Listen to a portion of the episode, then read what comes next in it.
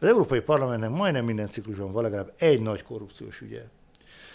És hozzáteszem, az, ami az európai parlamenti képviselők vagyonnyilatkozata, ugye, ami Tisza virág életűnek bizonyult Magyarországon, és bevezettük nyáron, és az Európai Bizottság a fejét fogta, és mondta, hogy azonnal hozzuk vissza az egyébként sokat bírált országgyűlési képviselői vagyonnyilatkozatot, mert ez így borzalmas, amikor mondtuk, hogy de hát ez az európai parlamenti, ami ugye egyébként rajtunk szokta számon kérni az átláthatóságot akkor mondták, hogy erről most akkor inkább ne is beszéljünk. Tehát nem, az Európai Parlament nem fog magába szállni. Folyamatosan frissülő tartalmainkért iratkozzanak fel a csatornánkra, kezdünk! Köszöntjük a kedves nézőket, a kedves hallgatókat és a kedves vendégeket, Szalai Laurát és Navracsis Tibort, területfejlesztésért és uniós források felhasználásáért felelős minisztert, remélem jól mondtam. Jó napot kívánok, tökéletesen. Egy rendhagyó, rendhagyó évzáró és kicsit évindító podcast beszélgetésre hívtuk tárcavezető urat, azért rendhagyó, mert politikus nem járt még e körünkben ebben a műsorban, úgyhogy ez egy ilyen kvázi nyitány is, ha úgy tetszik. Komoly kötelezettséget rórám akkor. úgyhogy, de hát ja, a téma viszont nagyon adott és nagyon aktuális, és az volt talán egész évben, de remélhetjük, hogy ha nem is pont került egy történet végére, egy pontos vesző, igen, az elmúlt időszakban, amikor megszületett a nagybetűs megegyezés, amit valaki úgy nevezett, hogy meg a deal, azt hiszem, aminek a nyomán mi is végre uniós források elébe nézhetünk ismételten. De hogy ez mikor és hogyan fog bekövetkezni, erről majd kicsit később. Egy picit hadd hozzam vissza a történet elejét. A Szabad Európa honlapján olvastam, hogy 2021. júliusában már egy budapesti járatra való foglalása is volt Ursula von der Leyen bizottsági elnök asszonynak, hogy idejöjjön Budapestre, megnézze ezt a csodálatos fővárost, és aláírjon egy szerződést, ami az úgynevezett RRF szerződés, amely a helyreállítási alap pénzeitnek felhasználásáról szólna. Ez ugye nem történt meg, hanem most számíthatunk esetleg valami hasonlóra. Április 3-án választások voltak, és azóta azt követően ö, az új kormány, és ebben kapott Navracsis Tibor is egy igen felelős pozíciót, hogy felvegye a fonalat enne, ebben a cikkben megjelent időponttól kezdve. Hogyan álltak akkor ezek a tárgyalások? Először az RRF-re kifejezetten kitérve, de nyilván itt nincsenek egymástól elválasztható részei ennek a történetnek, operatív programok, jogállamisági eljárás, és ezeket majd mindegyeként is megnézzük. Milyen állapotban kapta meg a csomagot? Hát akkor rossz állapotban voltak a tárgyalások, mert akkor már ides tova egy éve nem, nem voltak tulajdonképpen érdemi tárgyalások, nem volt érdemi kommunikáció a magyar kormány és az Európai Bizottság között. Sőt, mi több, ugye április 3-án voltak a választások, április 5-én az Európai Bizottság megindította a jogállamisági feltételességi eljárás Magyarország ellen, ami egy vadonatúj eljárás volt, eddig még soha nem alkalmazták tagállammal szemben, Magyarország lehetett az első. Tehát amikor én június elején hivatalba léptem, akkor volt egy, tulajdonképpen akkor már egy éve megszakadt tárgyalássorozat, egy új jogállamisági feltételességi eljárással megfejelve. Ebből adódóan rögtön tulajdonképpen három helyszínen kellett nyitni, kicsit mint a szimultánsabban, amikor az ember egyszerre három nyitásnál vesz részt és megkezdeni a, a szálakat felvenni, hogy tekintettel arra, hogy egy hat hónapos határidőnk volt, hiszen ha december 31-ig nincsenek ezek a megállapodások meg, akkor az a veszély fenyegetett, hogy elveszítjük a, az újjáépítési alapból rendelkezésünkre álló kb. 2,5 ezer milliárd forintnak a 70%-át, illetve a kohéziós pénzekből, amely pedig úgy összességében 14 ezer milliárd forint körüli összeg, annak pedig egy olyan 15-20 százalékát. Nehéz helyzet. Miért lehet az mégis, hogy talán Ágosházi Szabolcs államtitkár úr is utalt rá, korábban a Mandinának is nyilatkozott, hogy előre haladott állapotokról lehetett beszámolni még tavaly nyáron, ősszel. Tehát, hogy lehetett számítani arra, akkor nagyon sorba fogadta az Európai Bizottság is ezeket az egyenként, minden országnak volt ugye egy ilyen terve, és a magyar ennyire késett, hogy ez kinek volt a hibája, a magyar kormányé, vagy az Európai Bizottságé, ki a felelősség, ha lehet egyáltalán ilyen felelőst megnevezni? Igen, hát a, ugye a, a, ahhoz, hogy, hogy hogy is állt a magyar kormány, ahhoz fontos tudni, hogy 2020 decemberében a 2020 decemberi Európai Tanács ülésen fogadták el a tagállamok állam és kormányfői egyrészt a, a 2021. január 1-én hatályba lépő 7 éves pénzügyi kerettervet, amely 2027. december 31-ig érvényes, másrészt pedig azt a helyreállítási alapot, amely 2026-ig megvalósítandó projekteket tud finanszírozni. Ez volt tehát 20 decemberében. 21 májusában a magyar kormány az elsők között adta le az újjáépítési alaphoz való hozzáférés lehetővé tevő nemzeti újjáépítési tervet, helyreállítási tervet. Ez az, amiről ír a Szabad Európa, hogy ennek kapcsán már. Ursula von der Leyennek időpontja volt állítólag Budapestre, hogy aláírja. Hagyományosan a többi tagállam esetében ez volt a szokás, hogy Ursula von der Leyen elutazott az adott tagállam fővárosába, és az ottani kormányfőhölgy államfővel aláírta az erről szóló megállapodást. És 2021. novemberében szintén az elsők között a magyar kormány leadta az első operatív programot, a GINOP Plus első változatát a bizottságnak. Tehát a magyar kormány gyors, jól indult, hatékonyan indult, gyorsan is dolgozott, jól is dolgozott, 21 nyarán szakadtak meg a, a megbeszélések, ugye akkor hiúsult meg Ursula von der Leyen látogatása is, szintén, ha jól emlékszem, a Szabad Európa hozta ezt kapcsolatba a gyermekvédelmi törvény megszületésével, illetve országgyűlési, országgyűlési általi elfogadásával, amit én nekem folyamatosan tagadtak a bizottság tisztségviselői, de hát hogyha egy újság ezt leírja, és senki nem kér helyreigazítást, akkor legalábbis némi kettősséggel kell nézzem az eseményeket. Igen, ez egy kardinális kérdés volt, hogy a kettőnek van a köze egymáshoz. Ha magyar ellenzéket kérdezzük, akkor nincs, hogyha a bizottságot kérdezzük, nincs, hogyha a kormányt, akkor meg nagyon is. Igen, és most az újságírók szerint is van. Ez Na, hát akkor az újságírók a mi oldalunkon van. Így van. Kicsit nézzünk a kulisszák mögé, mert hogy ugye már hosszú hónapok óta halljuk, olvassuk, hogy Navracsics Tibor megy tárgyalni Brüsszelbe az uniós forrásokért, de hogy mégis ö, hogyan kell ezt a gyakorlatban elképzelni. Onnantól kezdve, hogy leszáll a repülőgép, ön megérkezik Brüsszelbe, ezek a tárgyalások ingerszegény, fehérfalú szobákban zajlanak, ahol mogorván ülnek le az asztalhoz, és próbálnak dúlőre jutni, vagy adott esetben kötetlenebb hangulatban egy ebéd mellett dőlnek el fontos dolgok.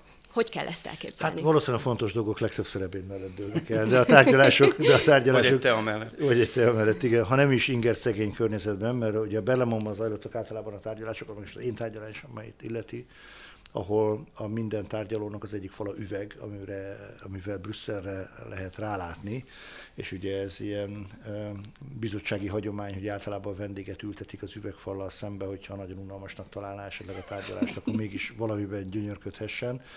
Tehát ilyen értelemben nem inger szegény, de barátságos, sokkal barátságosabb hangulatúak a tárgyalások, mint amit esetleg így a magyar kormány és a Brüsszel közötti sajtónyilvános párbeszédből le lehetne szűrni.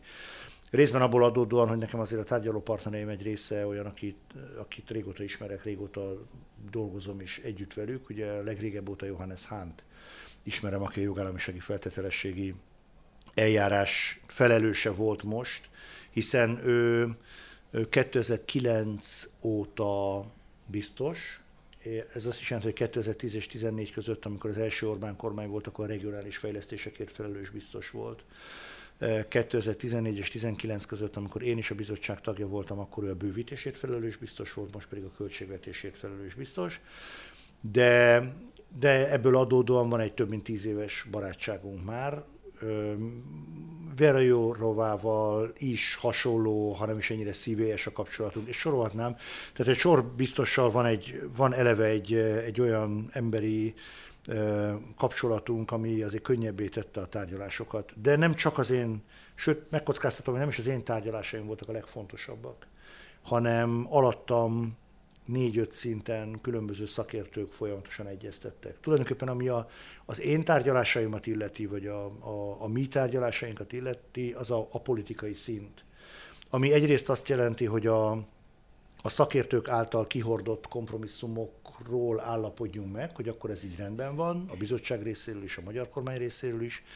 A másik csoportja pedig ezeknek a kérdéseknek, hogyha a szakértők valahol elakadnak, nem tudják feloldani az ellentétet a két álláspont között, akkor nekünk kell ezt megkísérelni, feloldani.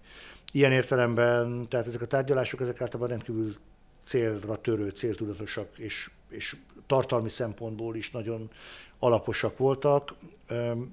És itt segített az, hogy meg volt a személyes ismerettség. Tehát szerintem ezt hat hónap alatt nem lehetett volna úgy visszahozni, hiszen, mint említettem, hat hónap, tehát júniusban nem volt gyakorlatilag kapcsolat, ráadásul három tárgyalás sorozatot kellett bonyolítani, amiből ugye a, a jogállamisági feltételességi e, eljárással kapcsolatos tárgyalások azért voltak fontosak, mert mindaddig nem engedték, hogy a konkrét pénzzel kapcsolatos tárgyalások is megkezdődjenek teljes részleteiben, amíg itt nincs megállapodás. És itt sikerült szeptember közepére egy az Európai Bizottság által is nyugtázott megállapodást elérnünk úgy, hogy augusztus hagyományosan Brüsszelben vakációval szokott telni, most azért nem mindenkinek telt így, és szeptember közepén fordultunk rá úgy, hogy tulajdonképpen november végére már a politikai jóváhagyást tól eltekintve megvolt a tartalmi jóváhagyása mind az újjáépítési tervnek, mind pedig az operatív programoknak. Ehhez kellett az, hogy legyen egy ismeretség, telefonon tudjunk beszélni, SMS-ezni tudjunk egymásnak, és időről időre, amikor találkozunk, akkor, akkor tényleg a lényegre törően bizalmi légkörben tudjunk tárgyalni. SMS-ezés is megy egy ilyen tárgyalásra? Persze. Jó. Azt, hogy Magyarországnak is vannak bizonyos feltételei, legalábbis ugye úgy tűnt, megint csak sajtó értelmezések szerint, hogy például az Ukrajnának nyújtandó közös kölcsönben való részvétel bármilyen formája, vagy adott esetben egyéb területeken mi is tudunk úgymond kérni valamit, vagy úgy csinálni, hogyha nincs meg a konszenzus, akkor az igenis számítson. Az mikor, az melyik szakasza volt a tárgyalásnak a célegyenesben, vagy, és ez kellett még ahhoz, hogy begyorsuljanak a végére a dolgok, és az az úgynevezett A-típusos megegyezés, ami a nagykövetek tanácsában megszületett végül, az megszülessen, vagy, eznek, vagy ez csak így mi rakjuk újságírók össze ezt a kettőt?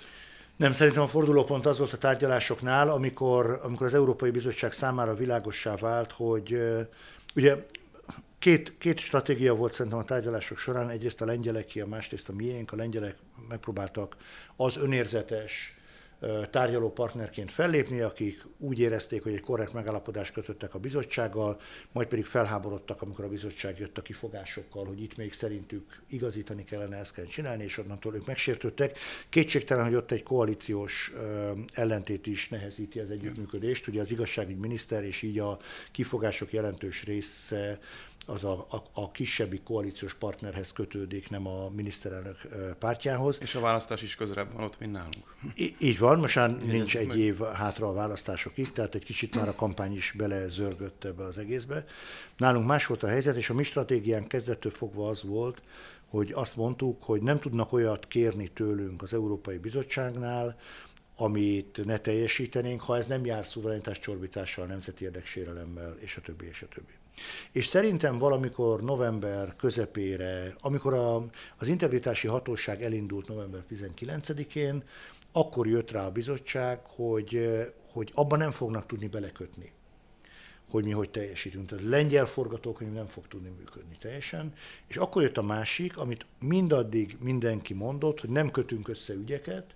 Egyik pillanatról a másikra hip-hop, előkerült a globális minimumadó, előkerült a, az ukrajnai hitel kérdése, és eleinte csak informálisan, aztán egy idő után már kifejezetten a nyilvánosság előtt is össze lett kötve. Ugye így jutottunk el odáig, hogy a koreperülésen már kifejezetten, sőt, azon az ECOFIN ülésen, ahol Varga Mihály pénzügyminiszter úr bemondta a pénzügyi kerettervet szabályozó rendelet módosításával kapcsolatos magyar nem szavazatot, a másik három napirendi pont is azonnal lekerült a napirendről. Tehát onnantól kezdve ez teljesen egyértelmű volt, hogy össze van kötve Magyarország vonatkozásában ez a négy napirendi pont. Innentől kezdve viszont az is világos volt számomra, hogy ez innentől nem az én kompetenciám. Tehát egy szintet lépett följebb, innentől ehhez már nyilván a, tárgyaló delegáció mandátumának a meghatározása az innentől kezdve már nem az én feladatom, hanem a miniszterelnöké. És, és így alakult ki az a helyzet, hogy gyakorlatilag úgy meg tudtuk őrizni a a másik két pontot, tehát a globális minimumadót és a, az ukrajnai hitelt is, hogy nem kellett feladnunk az álláspontunkat. Ugye mi a globális minimumadóval kapcsolatos problémánk nekünk az volt, hogy ez nem járhat adóemeléssel Magyarországon, azért nem akartunk hozzájárulni, mert mi mondtuk, hogy nekünk már vannak hasonló jellegű adóink, és akkor ne kelljen pluszba még bevezetni egyet. Az ukrajnai hitelnél pedig az alapvető problémánk az volt, hogy ez ne eredményezzen ismét olyan jellegű uniós hitelfelvételt, mint amilyen volt az újjáépítési alap vagy helyreállítási alappal kapcsolatban. És mind a kettőnél megvalósult, ugye egyrészt a globális minimumadónál elismerték, hogy a mi adóink tulajdonképpen a helyi variánsai a globális minimumadónak, és nem kell emelni az adót, az ukrajnai hitelnél pedig csak arra kértek tőlünk hozzájárulást, hogy módosítsuk a rendeletet, ami lehetővé teszi, hogy a bizottság a költségvetési maradvány terhére vegyen fel hitelt, azaz a mi részünkről ez többlet hitel mennyiséget nem jelent, tehát nem kellett garanciát vállalnunk. Így mind a kettőre nyugodt szívvel mondhatunk igent. A globális minimumadónál ugye az volt a kardinális kérdés, hogy nálunk a társasági adó az 9%, ami, ami világbajnokok sorába emelt bennünket, vagyis hogy annyira alacsony, hogy emiatt ez nekünk egy piaci előny. A globális minimumadó pedig 15%, és hogy ez a kettő hogy jön össze, az számomra még mindig nem világos. Mi megelégettünk ezzel a kompromisszummal, és az, hogy nem kell adót emelni, és kaptunk papírt a bizottságtól is, a soros elnökségtől is, hogy mi ezzel rendben vagyunk. Úgyhogy uh, itt uh, ebből adódnak. Szerintem egész egyszerűen arról van szó, hogy az Európai Unió döntéshozói számára fontosabb volt az, hogy a globális minimumadót bevezessék, mint az, hogy egy 9,5 milliós, 9,7 milliós piacon hogyan szabályozzák éppenséggel az adókulcsokat. Tehát akkor Brüsszelben a 15 is lehet 9, vagy fordítva. most egyelőre úgy néz ki, azért véglegesen nem, most egyelőre úgy néz ki, örüljünk neki, igen. Ha egyel hátrébb lépünk az eseményektől, Mit gondol, miniszter úr, hogy azért ez a most már több mint egy éve tartó húzavona mennyire ingathatja meg a bizalmat a polgárokban az Európai Unióval kapcsolatban? Gondolok itt arra, hogy azért mégis ugye mit hallunk, mit hallanak, Brüsszeltől nem kapunk forrásokat, folyamatos a harca a magyar kormány és Brüsszel között, és adott esetben akár pártállástól függetlenül elbizonytalanodhatnak az emberek, hogy hát azért ö, vannak hátrányai a, az uniós tagságnak. Mindeközben ugye tudjuk, hogy Magyarországon alapvetően kiemelkedően magas a, az EU-ba vetett bizalom. Biztos, hogy vannak olyanok, akik, akik innentől kezdve kevésbé bíznak, vagy nagyobb távolságtartással szemlélik az uniós intézményeket, főleg azért, mert nálunk már valóban ilyen anekdotikus események és történetekkel is találkozunk, amikor bizottságról van szó, az Európai Parlamentről, hiszen az ember megnézi az Európai Parlament egy plenáris vitájának a közvetítését mondjuk Magyarországról, és ez egy magyar állampolgár, akkor nyilvánvaló egyfajta mondjam, szellemi távolságtartás alakul ki az ott, egyes, ott elhangzó egyes felszólalásokkal kapcsolatban. De furcsa ezt így mondani, de tulajdonképpen ezzel a helyükre kerülnek az uniós intézmények, mert egyébként az Európai Parlament, a bizottság, meg a tanács is nem is nagyon ismertek. Az állampolgárok egy jelentős része nem is tudja, hogy mi ez, vagy ha találkozott a, a nevével az intézménynek, akkor teljesen érthető okokból félreértelmezi a szerepét. Az Európai Parlamentről azt hiszi, hogy ez egy törvényhozó testület, holott nem törvényhozó testület. A bizottságot következetesen keverik az Európai Parlament szakbizottságaival, ennek én is szenvedő alanya voltam, amikor én biztos voltam, mert rólam is mindenki azt hitt, hogy én az Európai Parlament oktatási bizottságának az elnöke vagyok, nem pedig az Európai Bizottság oktatási ügyekért felelős biztosa. Ki hitt ilyet? Újságíró is hitt ilyet. Oh. Most, ki is volt írva, tehát van egy olyan internetes lap, amely előszeretettel készít utcán politikusokkal villáminterjút, ahol így oda nyomják a mikrofont az ember. Akár még úgy, hogy az Ameripa templomból jön ki? Akár úgy is, de akkor még ez egy másik volt, de egyébként személyét tekintve igen. És miután én adtam interjút, ezt követően ez megjelent, és úgy jelent meg, mint Európai Parlamenti Képviselő Oktatási Bizottság. És akkor szóltunk nekik, hogy kellene egy kicsit változtatni. De mondom, ez inkább az intézmények hibája, mint az állampolgároké, mert valóban Laura talán tudja, az Európai Uniós tanulmányoknak az egyik legbonyolultabb része, akkor tisztába tenni, hogy melyik intézmény mit csinál valójában az Európai Unióban. Tehát ez, ez nem egyszerű, és egyébként nem kismértékben az Európai Unió népszerűtlenségének is az oka, hogy, hogy halandó ember nem képes fölfogni, hogy, hogy ki mit csinálott valójában, és kinek mi a dolga. De én mégis abból a szempontból, hogy optimista természetű vagyok, ezért afelé kanyarítanám, hogy én abból a szempontból tartom fontosnak azt, hogy sikeresek voltak ezek a tárgyalások, hogy azt is be lehet bizonyítani, hogy apránként az ember, ha nem hagyja felidegesíteni magát, ha, ha nem háborodik föl, ha, ha, ha megpróbálja türelmesen végigvinni a tárgyalási folyamatot, akkor ez mégiscsak eredményre vezet. Tehát olyan nincs, hogy azt mondják, hogy sokan mondták, sőt az Európai Parlament kétszer határozatban mondta ki, hogy Magyarország nem kaphat egyetlen fillért sem. Nem is olyan rég, legutóbb. Most is, szeptemberben is, meg most igen, november végén talán. De hogyha az ember kellően sziszifuszi módon viszi előre a dolgokat, és oldogatja meg azokat a görcsöket, amik ott vannak útközben, akkor azért csak el lehet érni a, célt, és ez szerintem egy nagyon fontos. Az Európai Unió egy nagyon sok szereplős, nagyon bonyolult döntéshozatali tér, ahol nagyon idegenül is lehet mozogni, de ha az ember kiismeri a szabályokat és alkalmazza azokat a szabályokat, akkor nagyot lehet nyerni. És szerintem Magyarországnak az lenne a jobb, hogyha szépen ezt megtanulnánk, és nagyokat nyernénk. Hát akkor ebben az irányban az egy ölás lép, lépés volt legalábbis. Bízunk benne, majd meglátjuk fél év múlva, hogy beszélgetünk. Hát akkor az mondjuk, az mondjuk, én nem akarok a jövőbe látni, de mondjuk az, hogy állítsuk meg Brüsszelt, ilyen plakát a következő időszakban nem várható, mert akkor minden romba dőlne. A politikai kommunikáció nem én vagyok felelős.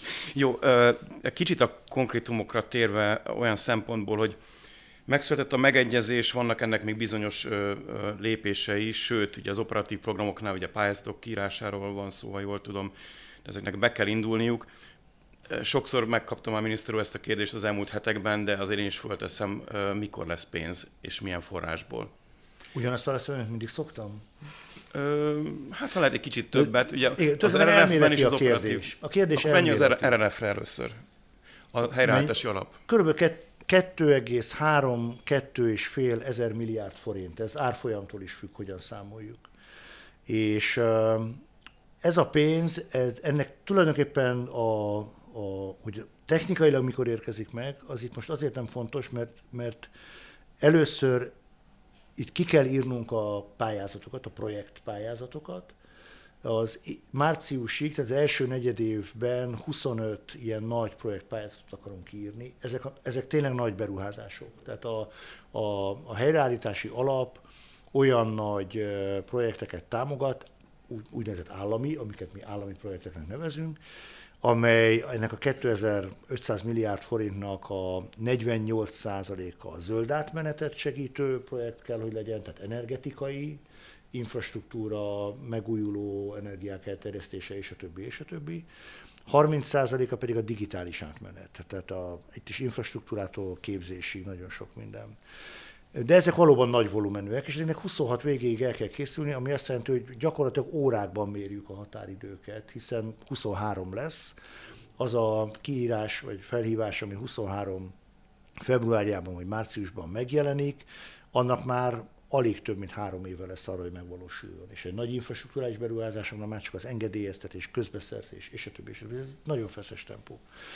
Jobb a helyzet az operatív programok esetében, ott uh, ugye elkezdtük kiírni a, a pályázatokat, sőt már győztesek is vannak két operatív program esetében, a TOP, tehát az a területfejlesztés, ter, terül, hogy is terület és településfejlesztési operatív program, ami elsőben önkormányzatok fejlesztéseit támogatja, illetve a GINOP, ami pedig a vállalkozásoknak a, az operatív programja. Ezekben már idén már voltak kiírások, győztesek is vannak, és a költségvetés, a magyar költségvetés finanszírozza is már a projektek megvalósulását.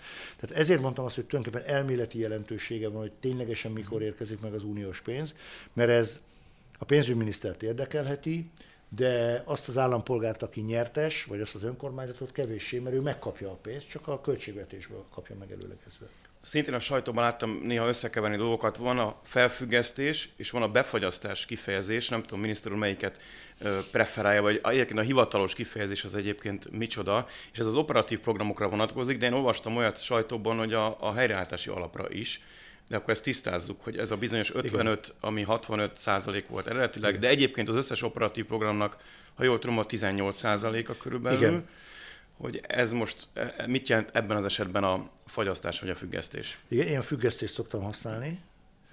A, a három operatív program esetében javasolta a bizottság az 55%-os felfüggesztést. Ez a három olyan operatív program, ahol nagy a a közbeszerzések aránya, az államilag kiírt és szervezett közbeszerzések aránya, az egyik a TOP, a már említett település, területi és településfejlesztési operatív program, a másik az ICOP, amely a közlekedési fejlesztések operatív programja, és a harmadik pedig a KEOP, ami pedig a környezetvédelmi operatív programok. Ennél a háromnál javasol 55%-os felfüggesztést. És ennek a felfüggesztésnek a létét teszi függővé a jogállamisági feltételességi eljárás eredményétől, amely elvileg március végén, tehát az amelyel kapcsolatos vállalásaink elvileg március végén teljesülnek. Márciusban igazságszolgáltatási reform. Függetlensége, igen. Uh-huh. Márciusban lesz még egy olyan törvénycsomag, amit az országgyűlés elfogad, ebben lesznek sarkalatos törvények is, ezért húzódott, ezért csúszott ki a decemberi elfogadásból, és azt mondta a bizottság, hogy ha március végéig ezt tudjuk teljesíteni, akkor ők akár áprilisban vagy májusban megszüntetik a felfüggesztést, vagy kiolvasztják a befagyasztást, uh-huh. attól függ, melyiket használjuk. Tehát ez praktikusan csak egy kétharmados többséget kell biztosítani a maga mögött a jelenlegi kormánynak, ami nem tűnik lehetetlen feladatnak. Igen. Plusz megírni a törvényeket nyilván. Igen, és az is kell, hogy a törvényeket a bizottság utólag sem érezze úgy, hogy ő nem erre gondolt. Mert volt már ilyen, amikor oh. megállapodtunk, elfogadtuk, és akkor a bizottság mondta, hogy módosítanunk kellene. Novemberben így kellett egy úgynevezett korrekciós csomagot elfogadnunk, hogy a, az októberben elfogadott törvényekkel kapcsolatban a bizottság még mondta, hogy ő szerinte érti, hogy ebben állapodtunk meg, de szerintem még itt, meg itt, meg itt még ez kellene valamit, de ha ez nem lesz, akkor ez elvileg áprilisban vagy májusban ö, megszűnik a felfüggesztés. Ami a, a helyreállítási alapot illeti, ott abban az esetben fordulhat elő felfüggesztés, hogyha a jogállamisági feltételességi eljárás nem zárul eredményesen, tehát meg kell minket büntetni valami miatt. Tehát a, én ennek minimális valószínűségét látom, abból adódóan, hogy már a, az eddig vállalt teljesítéseink is ö, jól haladnak előre. Ugye ennek köszönhető, hogy a tagállamok kérték a bizottságot, hogy csökkentse a 65%-ot 55%-ra. Tehát én úgy gondolom, hogy tudjuk folytatni ezt a munkát, és, és fel fogják, meg fogják szüntetni a felfüggesztését a pénzeknek. A helyreállítási tervvel kapcsolatban a, a kormányzati kommunikációban rendszeresen elhangzik, hogy kiválónak minősítette ugye az Európai Bizottság, miniszter úr is beszélt erről. Ugyanakkor a sajtóban néhány helyen megjelent, hogy hát azért ez nem olyan nagy dolog, mert hogy a 27-ből 24 terv kapott kiváló minősítést. Szóval Magyarán... Talán, de lehet, 24. Igen, de ez nem változtat Mit, mit jelent valójában kitűnő, az, hogy kiváló? Akkor is kitűnő, ha az osztályban egyébként az osztály fele kitűnő, akkor nem, nem lehet azt mondani, hogy ő nem mondja azt, hogy ő kitűnő. kitűnő. Ez egy jól tanuló osztály, ez az Európai Unió. hát de az a helyzet, hogy azért van mégis három vagy négy olyan tagállam, amely nem kapott kiváló minősítést. Miközben nekünk meg pótköröket kellett futnunk, futnunk ugye jogállamisági feltételességi eljárás. Ez is olyan közbeszerzési eljárások tekintetében, átláthatóság és tisztaság tekintetében ott vagyunk az Európai Unió középmezőnyében. Igazságszolgáltatás függetlensége tekintetében ott vagyunk az Európai Unió középmezőnyében. A Nemzeti Újjáépítési Tervünk kiváló minősítést kapott, és ennek ellenére, vagy emellett mi vagyunk azok, akiknek egy évvel tovább kellett tárgyalni, veszélyeztetve ezzel ezeknek a beruházásoknak a hasznosulását. Tehát, de mindez nem, mindez nem teszi lehetetlené, hogy arról beszéljünk, hogy az Európai Unió egyik legkiválóbb újjáépítési terve a miénk, uh-huh. mert kiváló minősítést kapott. És hát akik még biztosan nagyon várják, hogy mielőbb érkezzenek a források, azok a pedagógusok. Ugye tudjuk, hogy az ő fizetésemelésük is részben attól függ, hogy mikor érkeznek meg a források. Mm, várhatóan mikor lehet tényleg érdemi fizetésemelés az ő számukra? Január 1-től indul a indul, pedagógusok igen. fizetésemelése, és aztán innentől kezdve a bizottságtól függ, amint, amint adja. Ugye van egy társfinanszírozási megállapodásunk az Európai Bizottsággal, amelynek a következtében 2026-ra a diplomás átlagbér 80%-át kell elérni a pedagógusok átlagbérének. Ez a mi számításaink szerint körülbelül olyan 770-800 ezer forint lesz havonta. És ez úgy néz ki, hogy az első két évben az Európai Bizottság adja ennek a tömeg, a bértömegnek a nagyobbik részét, a második két évben pedig a magyar kormány. Ebből adódóan mi elkezdjük, én ha jól emlékszem, belügyminiszter úr talán a hétvégén éppen meg is erősítette, hogy a magyar kormány a maga részéről elkezdi a pedagógus béremelést, de nyilván a nagyobb tömeget a bizottság fogja adni, bízunk benne, hogy ő is fontosnak tartja a pedagógus bérek emelését. És egyáltalán nyilván lehet, hogy nem miniszter úr a legilletékesebb ez ügyben, hanem akár belügyminiszter úr is, de hogy miért kötöttek ennyire egymáshoz, ez, ez, miért kötődött ennyire egymáshoz ez a két dolog, hogy az uniós forrásokról van megegyezés, és tanári béremelés, ugyanis sokszor elhangzik az a kritika, hogy igazából, hogyha a kormány ezt komolyan gondolná, akkor, akkor adott esetben más forrásból tudná biztosítani a szükséges mennyiségű pénzt ehhez. Igen, erről nekem Ronald Reagannek mindig az a mondása jut eszembe, hogy ő csak azt sajnálja, hogy azok, akik igazán értenek a politikához, azok nem érnek rá foglalkozni vele, mert vagy hajat nyírnak, vagy taxit vezetnek.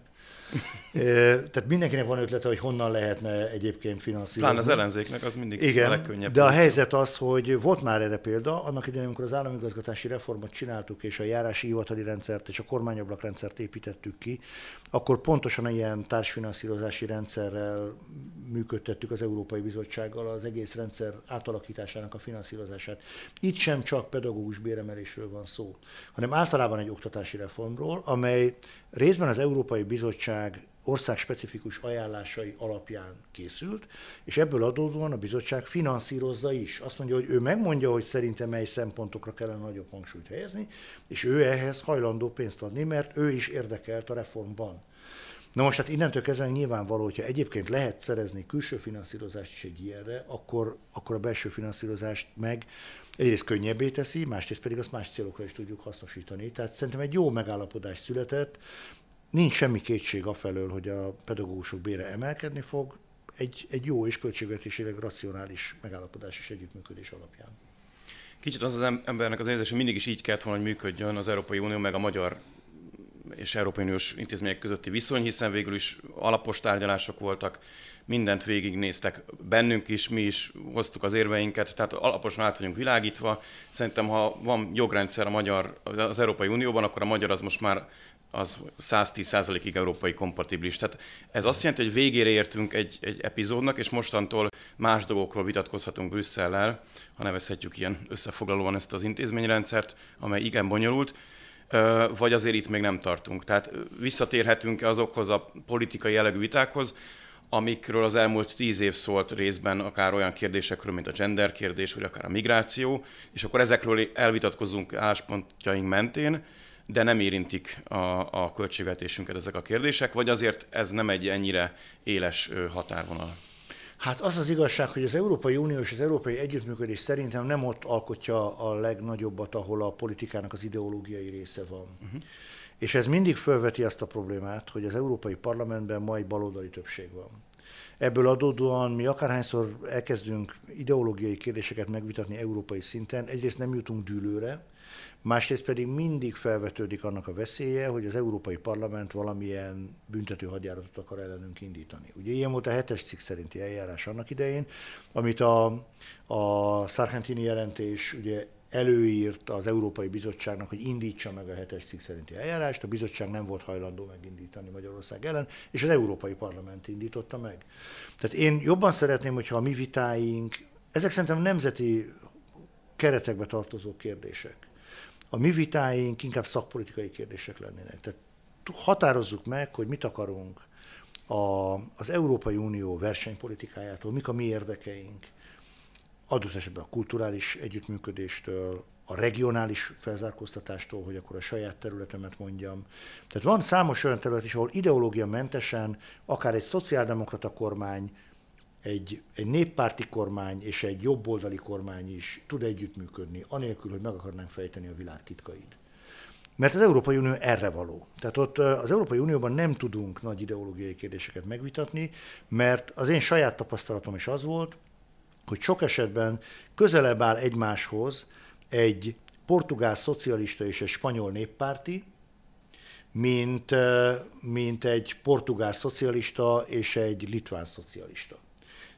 Egyrészt a regionális kapcsolatok, a közös múlt, a közös problémák, a közös földrajzi fekvés egységbe kovácsol, vagy csoportot képez, másrészt pedig Európa túl, változik, túl változatos ahhoz, hogy akár jogállamiság kérdésében is egységes koncepciónk lenne. Nagyon szívesen leültetnék egy, egy finn és egy bolgár politikust, hogy vitassák meg a jogállamiság definícióját európai szinten. Egy nagyon élénk, nagyon élvezetes vita lenne belőle, de szerintem nem jutnának eredményre.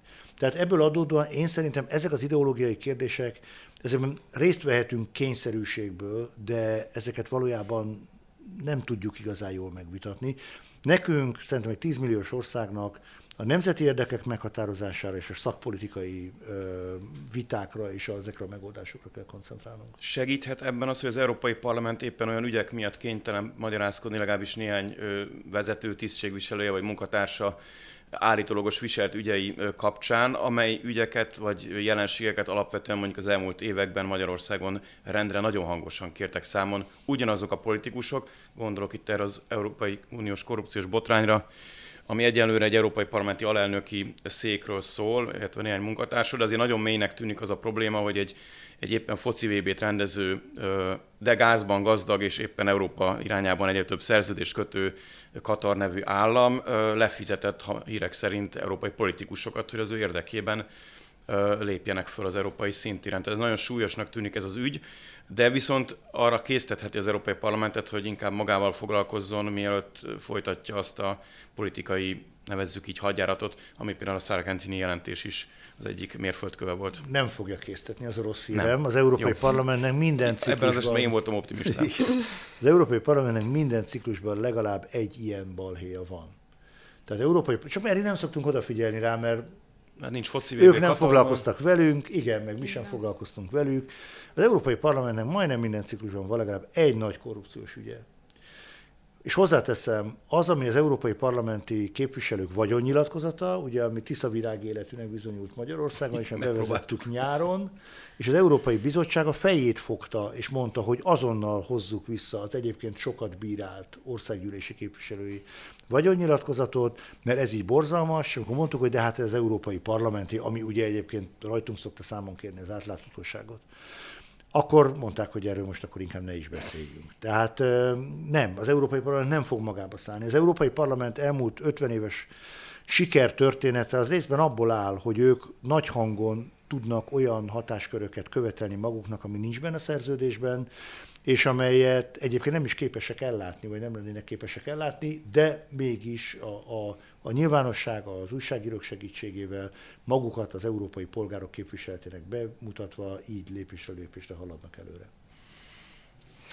Ha egy kicsit elszakadunk a brüsszeli tárgyalásoktól, ugye reméljük, hogy mi hamarabb lezárulnak, megérkeznek a források.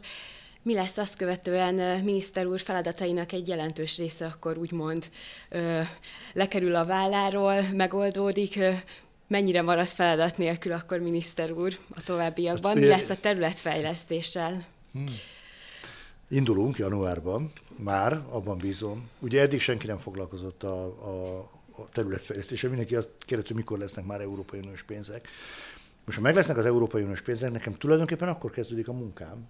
Én vagyok az egyetlen miniszter, akinek előbb meg kellett keresni a pénzt, amit eloszthat. Mert ugye az Európai Uniós források elosztásáért felelős vagyok, vagyis azt az egész rendszert, ami működik most is, hiszen az előző pénzügyi időszakból is vannak beruházások, amikkel még el kell számolni, az irányító hatóságok rendszere, az operatív programok, és a többi, és a többi, ez mind hozzám tartozik. Ilyen értelemben az Európai Uniós források elosztása és az azzal kapcsolatos botrányok lesznek majd, ami a mindennapi életünk része lesznek. lesz.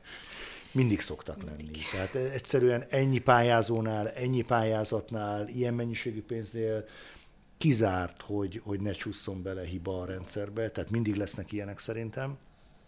Másrészt pedig nagyobb hangsúly, legalábbis a nyilvánosság előtt is reményeim szerint nagyobb hangsúly helyeződik majd a területfejlesztésre. Elindulunk már januárban, január vége felé már egy olyan nagy konferenciával, ami már a jövő területfejlesztési politikájának az alapjait jelenti, és most arra már azok a partnerségi megállapodások is megszülettek, amivel el tudunk indulni. Ugye a célom az, hogy a ciklus végéig 26 tavaszáig építsünk fel egy olyan területfejlesztési gondolkodás, szakpolitikai rendszert, amely a, a következő időszakban már egy, egy jó és hatékony területfejlesztési politikát ad Magyarországnak.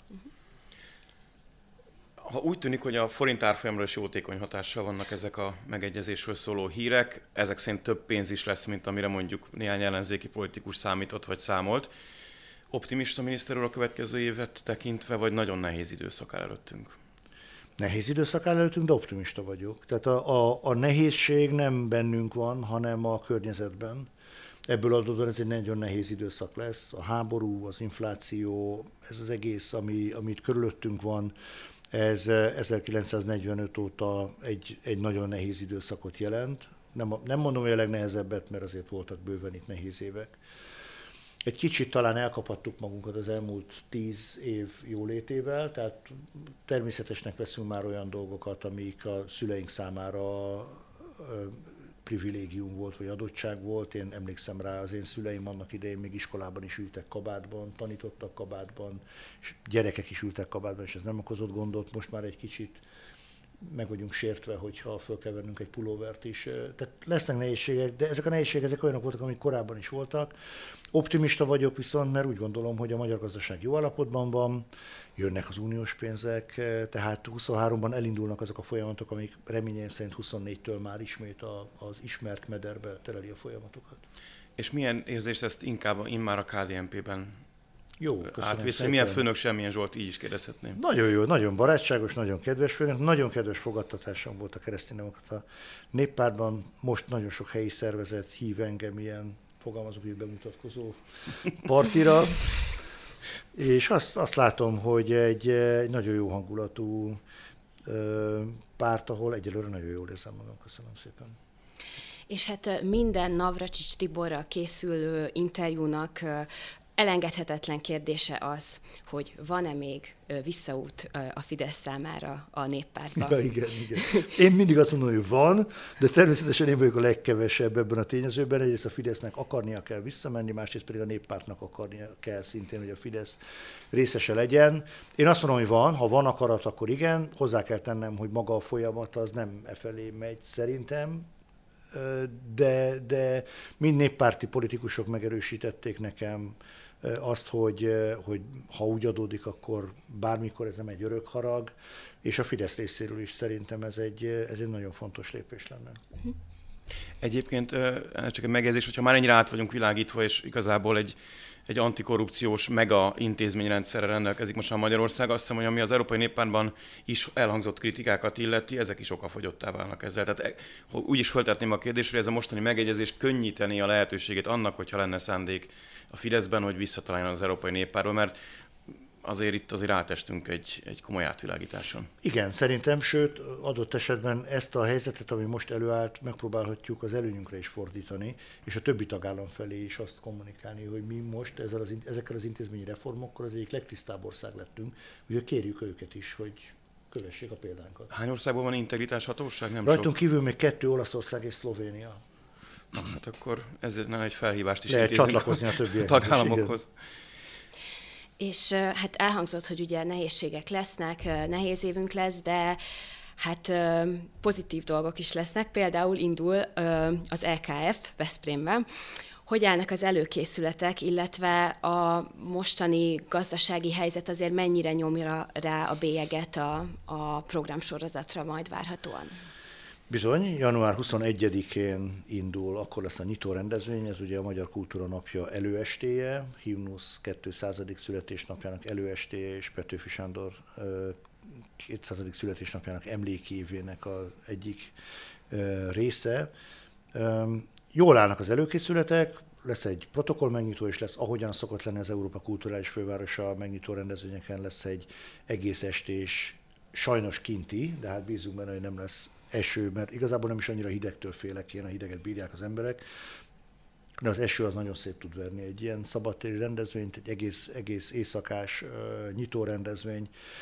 Jól állunk az előkészületekkel, tulajdonképpen most már a protokoll részleteket rendezzük, és, és aztán akkor teljesen rendben leszünk. Nyilván nagy káosz lesz Veszprémben, hát akkor egész éjszaka meg én abban bízom, egész 23-ban, mert annyi rendezvény lesz. A költségvetés az számunkra, tehát a magyar kormány nagyon nagy lelkű volt, és nagyon sok támogatást adott a felkészülés során, és ilyen értelemben nincs is problémánk.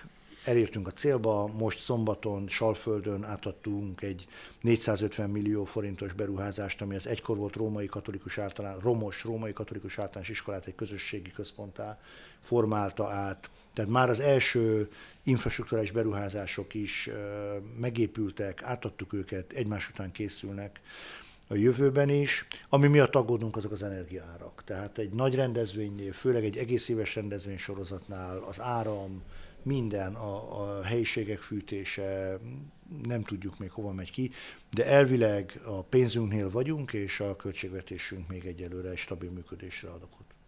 És ha már Veszprém, hogy vannak az ecsetfülű disznók? Most megyek hozzájuk majd, milyen nap van? A hétfő, hétfő van, csütörtökön megyek hozzájuk, hogy az újévi, szokásos újévi felvételt megcsináljuk, megyek meglátogatni őket. Egyébként miért pont ecsetfülű disznók?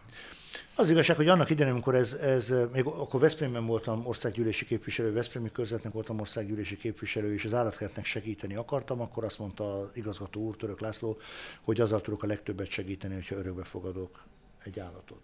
És akkor persze mindenki oroszlánokra, meg ilyenekre hajt, de egyszerűen annyira aranyosak voltak az esetfülű disznók, és szaporodtak is azóta. Tavaly volt pici, az tavalyi felvételünkön, uh-huh. ott van a picit is meglátogattam, eh, hogy úgy gondoltam, hogy ez, ez, ez az enyém. Most egyébként az új választókerületemben Ajkán is van egy örökbefogadott, de ott ez egy torkrét betonkeverő, némileg más profilú választókerületről van szó, mint a, mint a Veszprémi. Betonkeverő? Torkrét betonkeverő. Ez a torkrét beton keverőgép az a, a, az akn, a, a vájat, amikor a bányánál csinálják a vájatot, és ki kell betonozni a vájat falát, akkor azt ilyen torkrét betonkeverő géppel csinálják. Ajkán már nincs bányászat, viszont van egy bányászati múzeum, uh-huh. ahol nagyon nehéz anyagi helyzetben, és én azzal segítek nekik, hogy örökbe fogadtam egy torkrét betonkeverő. Gondolkoztam, hogy egyszer majd az esetfülű disznókat összehozom a torkrét betonkeverővel, ilyen családi nap. És együtt egy brüsszeli családi nap, igen. igen bemutató túrát is lehetne nekik csinálni. Igen. Hát azt hiszem egészen makróügyektől egészen mikroügyekig jutottunk, és azt hiszem a pozitív kicsengés is megvan. Miniszter úr, nagyon köszönjük, hogy tudtunk beszélgetni. Köszönjük szépen. És akkor szerintem lesznek még fejlemények, akkor szívesen látjuk legközelebb is. Köszönöm szépen, erre jövök örömmel. És köszönjük a nézőknek, hallgatóknak is a figyelmet, és mindenkinek boldog karácsonyt, és mindenkinek boldog új évet. Ha tetszett a videónk, iratkozzanak fel a csatornánkra, és kövessék a Mandinert minden lehetséges fórumon.